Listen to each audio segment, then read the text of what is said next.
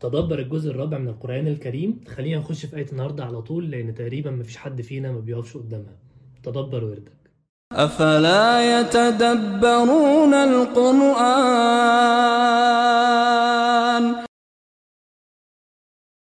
وانت في بداية رحلة ختمتك للقرآن هتعدي على الجزء الرابع. والجزء الرابع معظمه في سورة آل عمران. هتقعد تقلب الصفحات وتبص على الآيات وتتدبر إلى تمنى بقيت تتدبر مش مجرد تقرأ بدون فهم.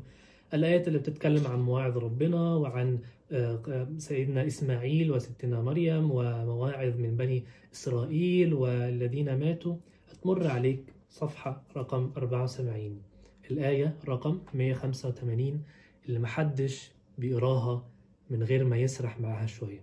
يقول الله عز وجل كل نفس ذائقة الموت وإنما توفون أجوركم يوم القيامة. فمن زحزح عن النار وأدخل الجنة فقد فاز.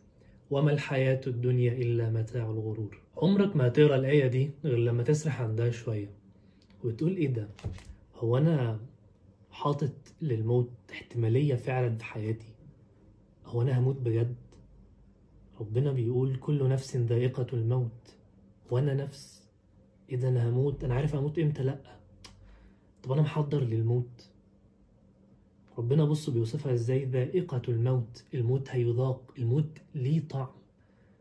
سبحان الله هيبقى طعمه حلو للمؤمن ويبقى طعمه سيء للكافر. تكملة الآية وإنما توفون أجوركم يوم القيامة فمن زحزح عن النار. يعني شوف لفظ زحزح. انت تيجي تقعد كده علشان تيجي في المدرج تقعد وفي واحد قاعد تقول له كده تزحزح شوية اللي هو تعالى كده حاجة صغيرة. زحزح عن النار ربنا وصفه وصفه بإيه؟ وأدخل الجنة فقد فاز. هو ده الفوز. إنك بس تتداخل على النار مش إنك تبعد عن النار وتجتنب النار إنك بس تتزحزح من النار. عارفين الفيديو الفيديوز اللي بنشوفها؟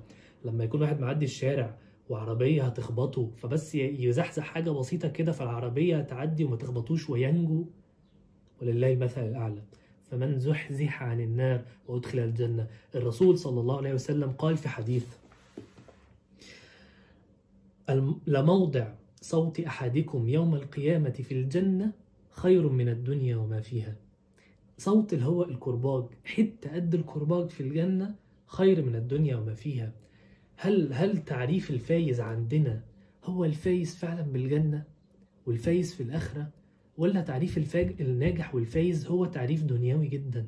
إن ده ناجح في, في اللي هو بيعمله في الدنيا وناسي الآخرة. هل ده هنسميه فعلا فايز؟ هل تسميتنا إحنا اللي صح لشخص فايز في الدنيا ولا تسمية ربنا ليه الفايز؟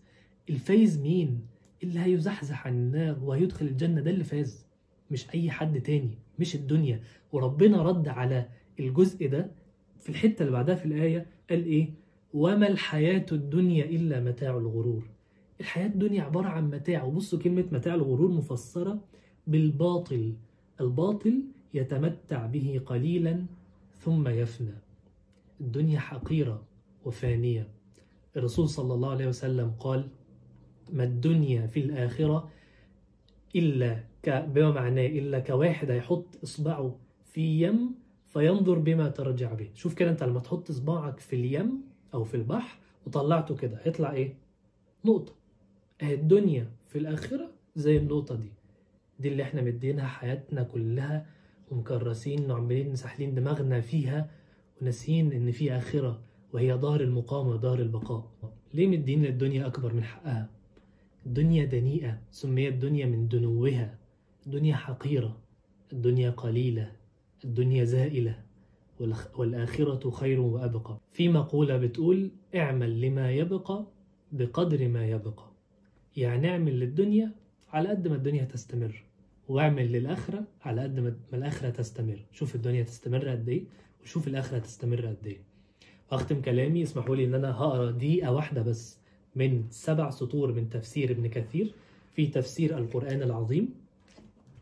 هو تفسير مش ميسر تفسير صعب شوية ولكن سبع سطور من من أبلغ الكلام اللي ممكن تسمعه.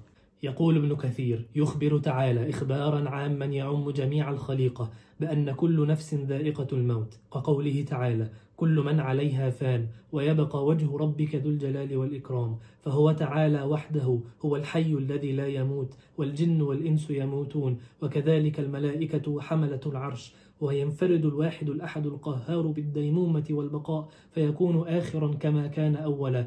وهذه الآية فيها تعزية لجميع الناس فإنه لا يبقى أحد على وجه الأرض حتى يموت. فإذا انقضت المدة وفرغت النطفة التي قدر الله وجودها في صلب آدم وانتهت البرية أقام الله القيامة وجاز الخلائق بأعمالها جليلها وحقيرها كثيرها وقليلها كبيرها وصغيرها فلا يظلم أحدا مثقال ذرة. ولذلك قال تعالى وإنما توفون أجوركم يوم القيامة. هسيبكم تسرحوا شوية مع كلام ابن كثير. لا تعليق ومش هقدر أعلق بعد الكلام ده. أتمنى تتابعوا السلسلة دي إن شاء الله تكون مفيدة جدا ليكم وأتمنى تتدبروا القرآن. متنساش تشوف الحلقات اللي فاتت الأجزاء اللي فاتت وتنتظر إن شاء الله الأجزاء اللي جاية. وتدبر وردك. وأشوفكم إن شاء الله بكرة على خير. السلام عليكم ورحمة الله وبركاته. كل نفس ذائقة الموت وإنما توفون أجوركم يوم القيامة فمن زحزح عن النار وأدخل الجنة فقد فاز وما الحياة الدنيا إلا متاع الغرور